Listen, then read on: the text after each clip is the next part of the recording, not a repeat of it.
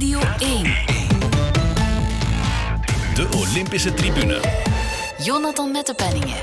Hallo en welkom bij de laatste aflevering van de Olympische Tribune. We sluiten af met de marathon bij de mannen en het laatste wapenfeit van Lotte Kopecky in het Omnium op de baan. Opnieuw een ferme tegenslag voor haar. Daar heb ik het straks over met Renat Schotten vanuit Itzu. Maar we hebben gelukkig ook heel mooi nieuws. Bashir Abdi vanuit Sapporo, 42,195 kilometer lang. Voluit. Bashir, home, I'm home. Je bent er. Hier, laatste rechte lijn voor Bashir Abdi in vierde positie. Het zal niet waar zijn dat België weer eens vierde wordt. De laatste dagen was voor mij heel zwaar. Het zal toch niet gebeuren. Kijk, en die Nage die doet maar teken. Kom, we gaan nu, we gaan nu. Ja, die Nage gaat... Oh, die is nog zo goed. Het was echt uh, knokken. Uh... En Bashir gaat ook nog versnellen. Ze gaan een medaille pakken met z'n twee. Gaat Cherone nog mee? Bashir sprinten, sprinten, Nage en Bashir. We hebben een medaille. Kijk, oh, dat is een fantastisch beeld. België-Nederland. Bashir Abdi pakt brons op de Olympische marathon. We hebben opnieuw een medaillewinnaar in de marathon. De eerste sinds Karel Lismond in 1976 en net zoals toen brons. Bashir Abdi zet zijn fabelachtige inspanning door tot in het absolute slot, schrijft zichzelf de geschiedenis in en schenkt ons land een zevende medaille. Ik heb het erover met Tim Morio, topsportmanager bij GymFed, maar ook coach en manager van Runners Lab Athletics Team. Daarin heeft hij onder meer Dieter Kersten onder zijn hoede en vroeger ook Bashir Abdi. De perfecte man om de race te analyseren denk ik. Hè? Welkom, Tim. Dank u. Dat was, uh, ja, het was indrukwekkend om te zien. Uh... Eergisteren opnieuw in, uh, in België geland vanuit Tokio. Wij nemen meteen op na de koers. Het is kwart voor drie s'nachts op dit moment. maar geen probleem voor jou, want de, biologisch, de, want de biologische klok staat nog in Tokio-tijd. Ja, klopt. Ik mag alleen niet te luid praten, want mijn vrouw is al aan het slapen. Ah, uh, klok staat niet in Tokio-tijd. Het was, het, was, het was moeilijk om, hoe moet ik het zeggen, om stil, stil te juichen, maar... -huh. Ja, nee, het is, het is indrukwekkend om te zien. Hè. Ik, heb, uh, allez, ik, heb, uh, ik heb de hele wedstrijd uiteraard gevolgd, mm -hmm. uh, van begin tot einde. En, en ja, laat ons zeggen, de laatste 10, 15 kilometer begon ik toch echt stress te krijgen, omdat je zag dat, hij, ja, allez, dat het begon echt om de knikkers te gaan. -huh. Koen is heel lang meegegaan. uiteindelijk blijft Koen zijn tempo gewoon lopen. Koen is eigenlijk niet zo heel veel vertraagd, denk ik. Nee. het is vooral ja, de versnelling van Kipchoge die gewoon alles uit elkaar geramd heeft ja. de laatste 10, 15 kilometer. Dat die wint, dat wisten we ook wel. Ik denk dat de mannen hem voorin ook wel lieten gaan. Dat is de gouden medaillewinnaar, daar kunnen we niks aan doen. Maar we hadden Bashir Abdi wel opgeschreven als outsider. Um, maar na een hele sterke race lijkt hij dan toch even te sterven op het einde. Om dan de laatste meter samen met zijn Nederlandse kopaan Nageye naar zilver en brons te lopen. Het was, het was, een mooi momentje om te zien hoe, ze, hoe. Ik zei, kom mee, kom mee, wij gaan dat zilver en brons halen. Zie je dat vaak in zo'n marathon? nee, alleen, uh, maar ja, allee, uh, Bashir en uh, Abdi kennen elkaar ook al, al, al, heel lang, zeg maar. ik denk niet dat ze deze voorbereiding samen gedaan hebben, maar ze hebben in het verleden wel al echt ook samen marathons voorbereid. Ja, en allee, ehm, ik denk, ik ben niet zeker, ik heb Bashir nog niet gehoord, maar ik denk dat hij op het einde wat krampen had, Bashir. Het, het, leek mij dat hij eigenlijk puur qua ademhaling en alles, alles onder controle had. Dat hij vooral ehm, ja, op de limiet zat, zeg maar, van de krampen. Uh, en mhm. ja, ik vond het wel indrukwekkend ook van Nage, want die, die was eigenlijk uh, een tiental kilometer daarvoor eigenlijk gelost. Uh, en doordat ze dan eigenlijk een beetje temporiseren, zeg maar, ja, komt hij uiteindelijk nog terug en dan zie je dat, ja, dat uiteindelijk hij gewoon nog, nog zilver kan pakken. Dus ja, ik denk, denk dat hij er ook Bashir een stukje mee doorgetrokken heeft. En, en ja, gelukkig dat de, Ken de Keniaan geen sprintje meer in de benen had. ik vond het een rare sprint, om, allee, een rare finish om te zien. ze waren met drie echt... Alleen Nage was aan het, aan het chillen, zeg maar, de laatste, de laatste honderd of zo leek het wel. Maar ja, uh, ik vond het ook raar dat de Keniaan ook niet meer aanstalten maakte. Dus ik denk ook dat, mhm. dat ze alle drie gewoon echt op de limiet zaten van, van krampen krijgen. Ook uh, zo, zeker door het warme weer. Uh, sowieso volledig ja. gedehydrateerd. Dus ehm, ja, nee. Fantastisch, fantastisch. Mhm. Maar het leek inderdaad wel alsof Bashir af die dan echt een klein motivatiestootje kreeg van die aanmoedigingen van, van zijn Nederlandse compaan. Maar had je, jij, jij hebt de koers ongeveer op dezelfde manier gezien als ik hem heb gezien, denk ik. Had jij op dat moment verwacht, Bashir kan dit nog aan? Hij kan er nog over gaan. Ja, allee, Bashir is ook iemand die, allee, die, die, die duizend keer kan sterven. Hè. Uh-huh. Uiteindelijk, allee, laat ons zeggen, ik weet niet meer exact hoeveel kilometer dat was, maar ik denk iets van een 10 kilometer van het einde. Um, allee, pakt, hij, pakt hij een beetje de kop uh, na, mhm. na Kipchoge. Heb je het gevoel van, oké, okay, hij zit echt gemakkelijk. Um, en ja, probeerde hij eigenlijk terug naar Kipchoge een stuk te lopen. En dan denk ik dat hij relatief snel door had, oké, dat, dat is hier een beetje suicide. En dan had ik de indruk eigenlijk dat hij zich bewust gewoon nestelde in, uh, in de kopgroep en gewoon eigenlijk aan het afwachten was. Maar dan, ja, de laatste twee, drie kilometer leek het dat hij plots krampen kreeg. Misschien omdat hij zijn, uh, zijn ijspetje daar verloor. Het zijn echt details op dat moment. Hè. Dus, dus al, al, is het maar een, een halve graad dat je dan begint uh, te verhogen qua lichaamstemperatuur. Ja, dat kan, dat kan fataal zijn in die omstandigheden. Absoluut. Hij had ook heel wat problemen met het acclimatiseren in Japan. Hier sinds 30 juli, dacht ik. Maar hij sloeg er niet in om meer dan drie uur per nacht te slapen. Toch schudt hij dit eruit. Hoe kan dat? Op drie uur slaap per nacht? Ja, ik weet niet dat hij alle dagen maar drie uur per nacht geslapen heeft, maar ik heb inderdaad ook vernomen uh, dat, ja, dat zijn slaap helemaal niet, niet goed was. Mm -hmm. um, dus ja, allee, als hij effectief niet meer geslapen heeft, ook de voorbije nachten, dan, dan maakt het alleen nog maar in de keuken. Daar kan je de vraag stellen, ja, had hij dat ook goed onder de knie gehad, dan, uh, ja, dan was het misschien nog, uh, nog een stukje mooier geweest. Maar allee, ik denk dat hij sowieso wel in, de, in, in een hele sterke vorm zat. Hij heeft ook heel goed opgebouwd de voorbije, voorbije jaren eigenlijk eigenlijk sinds dat hij de, de, de stap gezet heeft naar de marathon, heb je hem eigenlijk alleen maar zien, uh, ja, zien pieken elke keer op het juiste moment. Dus, um, en waar dat Bashir vroeger heel veel blessures had, is hij daar ook eigenlijk relatief uh, blessurevrij gebleven de laatste jaren. Dus ja, dan merk je wel dat hij gewoon echt allee, uh, ja, kan toewerken naar die marathon. En ja, oké, hij heeft ook al uh, zotte tijd gelopen, dus het is, het, is, het, is, een verrassing en geen verrassing. Het is vooral wat de mensen niet snappen vaak, hoe zot het is om dit te doen op het moment zelf. Yeah, Uiteindelijk zie je, zie je dat, hij, dat hij denk ik, de achtste tijd had. Je hebt volgens mij denk ik 15 man die een beetje aan elkaar gewaagd was op Kipchoge na. Mm. Uiteindelijk, ja, als je dan uh, nummer 3 kan worden, ja, dan, dan heb je gewoon echt alles perfect gedaan, uh, wat mij betreft. Absoluut. Bashir Abdi, brons, een unieke prestatie. Um, er valt nog zoveel over te zeggen, maar ik wil meteen door naar onze tweede man, Koen Naert. Ook zomaar tiende. Hij was in supervorm, hè?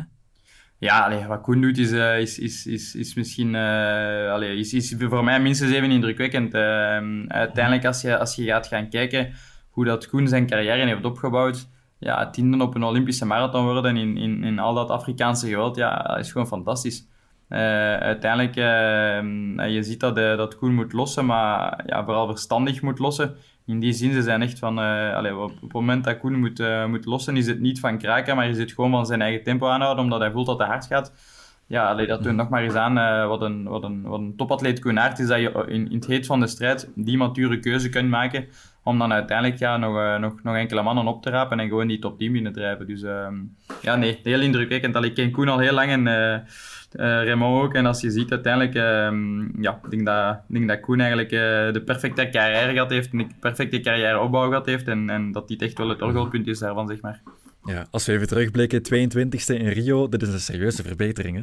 Ja, en allee, ik denk ook dat het niveau in de breedte ook nog een stukje sterker was dan in Rio. Uh, uiteindelijk, allee, als je ziet, uh, ik zeg het, kijk gewoon voor wie, wie er voor Koen eindigt ja, allee, gewoon echt indrukwekkend. Ik kan er niet meer over zeggen. En, en um, Dieter heeft uh, de laatste weken ook met hem opgetrokken.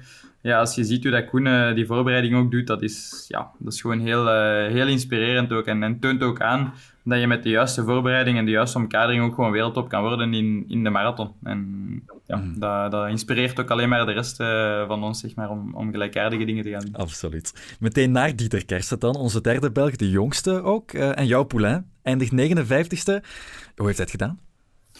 Ja, ik denk dat hij, allez, dat hij nog altijd te snel gestart is. Uh, het is, het is ah, ja. heel moeilijk om in te schatten natuurlijk, uh, hoe, hoe, snel hij moet van start gaan. Maar vooral de eerste 10 kilometer was eigenlijk uh, ja, volgens mij iets te optimistisch. en, en dat betaalt hij vooral het, het tweede deel uiteindelijk. maar voor een, allez, voor, een, voor, een, voor een tweede marathon uiteindelijk in deze extreme omstandigheden heeft hij het zeker goed gedaan. Ik denk dat hij weer heel wat ervaringrijker is en ja, dat hem ook alleen maar een enorme boost gaat geven voor de komende jaren die volgende stappen te zetten. En dat is wel wat vooruitblikken. Um, heb je eigenlijk uh, ja, het grote voordeel dat Parijs een, een, een, marathon gaat worden in Europa, waar de wereldomstandigheden een stukje makkelijker gaan zijn dan vandaag. En ja, dan is Dieter 27, dus um, ik denk dat dit voor hem een enorme ervaring is. Ook het feit dat hij met, met Koen heel veel heeft kunnen, kunnen samentrainen en ervan leren. En het feit sowieso, um, allee, het feit dat Bashir vandaag een medaille wint en Koen top 10, uh, dat, dat gaat alleen maar motiveren en inspireren. Dus uh, ja, dat belooft voor de toekomst wat Dieter betreft enorme stimulans, inderdaad. Het is inderdaad pas de tweede marathon voor Dieter Kersten, nadat hij zich plaatste in, in Enschede. Ja, hoe bereid je hem voor dan op die tweede, meteen een Olympische marathon? Hoe gebeurt zoiets? Ja, het grote probleem was vooral dat, uh, allee, dat hij relatief laat zijn limiet gelopen heeft. Uh, Enerzijds omdat de marathon die we wouden lopen twee keer uitgesteld is, anderzijds corona uiteraard. Uh, maar anderzijds, dankzij corona, staat hij ook nu in Tokio, want zonder corona had hij niet kunnen deelnemen, aangezien hij nog geen marathon gelopen had. Maar vooral, ja, de, de, periode was heel kort, dus het was echt wel, um, ja, het was echt wel een stukje om hem klaar te krijgen. Um, na zijn marathon in Twente heeft hij een twee, drietal weken echt gewoon uh, allee, relatief rust genomen. Uh, een tiental dagen niet gelopen en dan op het gemakje terug begonnen. Ja, en dan was het gewoon echt al eens aan dik. Uh, wat uiteindelijk denk ik een, een, een twaalftal weken, wat, wat, relatief kort is toch wel um, direct na, een andere marathon. Dus daarmee ben ik echt wel tevreden van zijn prestatie vandaag. We hadden misschien op een tikkeltje meer gehoopt, maar ja, ik denk dat hij vooral in het begin iets te, te snel gestart is. En dat hij daar de laatste 10 kilometer dat, dat cash betaald heeft, zeg maar. Ik zag ook dat hij met de Nederlander van Nune um, allee, uh, een stuk mee uh, heeft aangepikt. Die was vrij hard aan het gaan. Uiteindelijk zag je dat, dat Bart uitgestapt is. Dus misschien heeft hij zich daar ook een beetje uh, vergalopeerd. Ik weet het niet. Ik heb het nog niet gehoord. Maar allee, ik denk dat hij sowieso trots mag zijn en vooral die ervaring moet meenemen naar, ja, naar de komende jaren, zeg maar. Absoluut, want nog maar 24 jaar, dat is heel jong in, in marathontermen. Jij traint hem, daar mogen we binnenkort misschien inderdaad, inderdaad nog, nog veel meer van verwachten. Ja, ik denk, allee, ik zeg het, laat ons een beetje dromen. Hè. Als, als je kijkt naar wat Koen vandaag doet, uh, dat, dat, dat is voor iemand als Dieter een enorme, enorme inspiratie. En, en, en het toont ook aan dat, dat het echt wel mogelijk is. Hè. Uh, uiteindelijk, uh, Koen is allee, na Rob de, de eerste blanke die over de streep komt. laat ons zeggen, Gillen Rob niet helemaal onomstreden, aangezien dat hij bij Salazar al zijn ganse carrière traint. Dus allee, als je ziet dat Koen in dat gezelschap gewoon die prestatie levert, ja, nogmaals, ja, fantastisch indrukwekkend van, van Koen en uiteraard ook van Bashir. Maar ja, nee, super. -hmm. Ja, nog, nog een laatste vraag over Kersten. Het is ook echt de bedoeling om, om door te zetten in die marathon. Want inderdaad, pas zijn tweede, daar gaan nog heel veel specifieke trainingen op volgen om echt daarin beter te worden. Ja, sowieso. Hè. Het, het, idee met Dieter is, is, om zijn carrière geleidelijk op te bouwen. Volgend jaar uh, zitten we met een Europees kampioenschap in München. Je ziet ook met een WK, maar we hebben die knoop al doorgehakt dat hij, dat hij vol voor dat Europees kampioenschap kan gaan. Uh, omdat hij daar gewoon echt wel iets kan gaan doen op een WK, is dat nog te hoog gegrepen momenteel. En dan heb je jaar daarna een wereldkampioenschap in, uh, in Budapest, ook in Europa. En dan heb je de Spelen in Parijs. Dus allee, de bedoeling is echt wel de komende jaren vooral echt in te zetten op de kampioenschapsmarathons. En tegelijkertijd vooral echt verder te kunnen groeien. Um, en zijn eerste echte, echte ambitie moet, moet, moet echt wel uh, ja, gewoon al volgend jaar in München zijn. Als je uiteindelijk ziet um, dat hij 2.10 loopt in zijn eerste marathon, als je dan allee, nog een klein stapje zet, dan doe je in Europa al snel mee voor de medailles. Uh, en ook daar weer, ook daar is Koen voor Dieter een enorme uh, bron van inspiratie, aangezien Koen het ook al gedaan heeft in Berlijn. toen denk ik met 2.9 hoog. Dus uiteindelijk als je 2-8 loopt in Europa, en zeker in het jaar waar er een EK en WK samenvallen, dan kan er veel uiteindelijk. Want de meeste uh, echte toppers in Europa zullen vermoedelijk op het WK focussen. En de combinatie EK-WK-marathon is, ja, is zo goed als onmogelijk, dus daar liggen wel wat kansen volgend jaar. Voilà, er zit nog zoveel in. Drie hele sterke prestaties van onze Belgen in de marathon. De unieke bronzen plak voor Bashir Abdi bezorgt ons land een zevende medaille. We zagen een hele sterke tiende plek voor Koen Naert. En Dieter Kersten zet de toon voor zijn, uh, voor zijn latere carrière. Heel erg bedankt, Tim Morio. Ja, dankjewel. Dag. Radio 1. Sportza. Voor de derde dag op rij gaan we ook weer naar de piste in Izu. En net zoals de vorige twee dagen overheerst de teleurstelling. En een val. Een val met twee vrouwen keihard tegen het ovaal. Ik denk de Chinese uit Hongkong, maar we concentreren ons op de sprint. Het nummer gaat verder. We zijn op het tweede van de massale val. En Kopecky ligt erbij. En zes, zeven vrouwen er tegen de vlakte. De officials omver chaos hier op de wielerbaan van Izu. Drama, drama, drama. Jongens, jongens, toch wat een pech voor Kopecky. Dan komt die eindsprint eraan. Dit hadden ze moeten neutraliseren. De Amerikaanse pakt hem. Een schande. Moet Kopecky op dit moment op achtervolgen aangewezen. Oei, oei. Heeft ze dan last van die val? Ze wordt eruit gereden. Het is niet te geloven. En ik vrees dat Lotte Kopecky uit de wedstrijd gaat stappen. Lotte Kopecky valt in de scratch, de eerste discipline in het Omnium, en moet opgeven na de eerste versnelling in de tempokoers. Renaat Schotten, drie dagen op rij dat we het over het uh, baanwielrennen hebt en je komt eigenlijk geen enkele keer met goed nieuws. Het heeft zich heel vroeg in de ochtend afgespeeld bij ons. Hoe is dat gebeurd? Hoe heeft het kunnen gebeuren? Ja, die scratch die begon uh, ja, accidentenrijk. Dat was uh, een grimmige zaak. Er was een val voorafgaand met twee renners, waaronder een rijdster uit Hongkong, maar dat was eigenlijk toen nog geen vrouw overboord. En dan ja, op de rechte lijn gebeurde het. De Italiaanse die eh, als eerste zo wat keihard tegen de vlakte knalde. En dan een vrouw op 7, 8 die er holde de bol erachteraan gingen. En Lotte Kopecky ondernam nog uh, ja, verschillende verwoede pogingen om recht te blijven op haar fiets. Maar uiteindelijk was het een, een fiets van een, een concurrente die haar de das omdeed. En waardoor ze metersver over de baan gleed. En ze kwam pardoes op haar heup terecht. En ja, ze reed de wedstrijd nog uit. Ze is recht gestaan, ze heeft uitgereden. Ze hebben dan al die vrouwen die gevallen zijn op de dertiende plaats gezet. Maar goed, dan weet je al dat, dat je met een zware achterstand gaat beginnen als een Omnium. En dan bleek er ook nog blessurelast te zijn bij Lotto Kopecky, die dan uh, op de fiets is gestapt voor het tweede nummer. Het was dan de tempo race. En daar werd ze gewoon op een bepaald moment ja, pardoes uit de wielen gereden. En dat was eigenlijk het dramatische, sportief dramatische einde van haar, uh, van haar omnium. Ze is dan in tranen van de fiets gestapt. Dat was echt aandoenlijk om te zien. En uh, strompelde naar de box waar de Belgische delegatie een kleine thuis had ingericht. En het was over en out. Te veel last van die heupblessure. Ze is daarna verdwenen naar de wagen met de radiologie. Ik heb nog geen nieuws over haar blessures op dit moment. Maar ja, als de pijn te groot is, en ze was ook al een paar dagen geleden gevallen, uh, in de Madison. Ook niet door haar eigen schuld, dus twee keer gevallen door onhandigheid van concurrenten. Ja, dan, dan is dat een te zware last omdragen en een begrijpelijke opgave, heel begrijpelijke opgave ja. voor Lotte Kopecky uh, in deze omstandigheden. Uh, het is een drama voor haar. Hè? Maakt de som van deze spelen een goede wegrit, maar een vierde plek. Die grote teleurstelling in de ploegkoers en nu die snelle opgave het Omnium.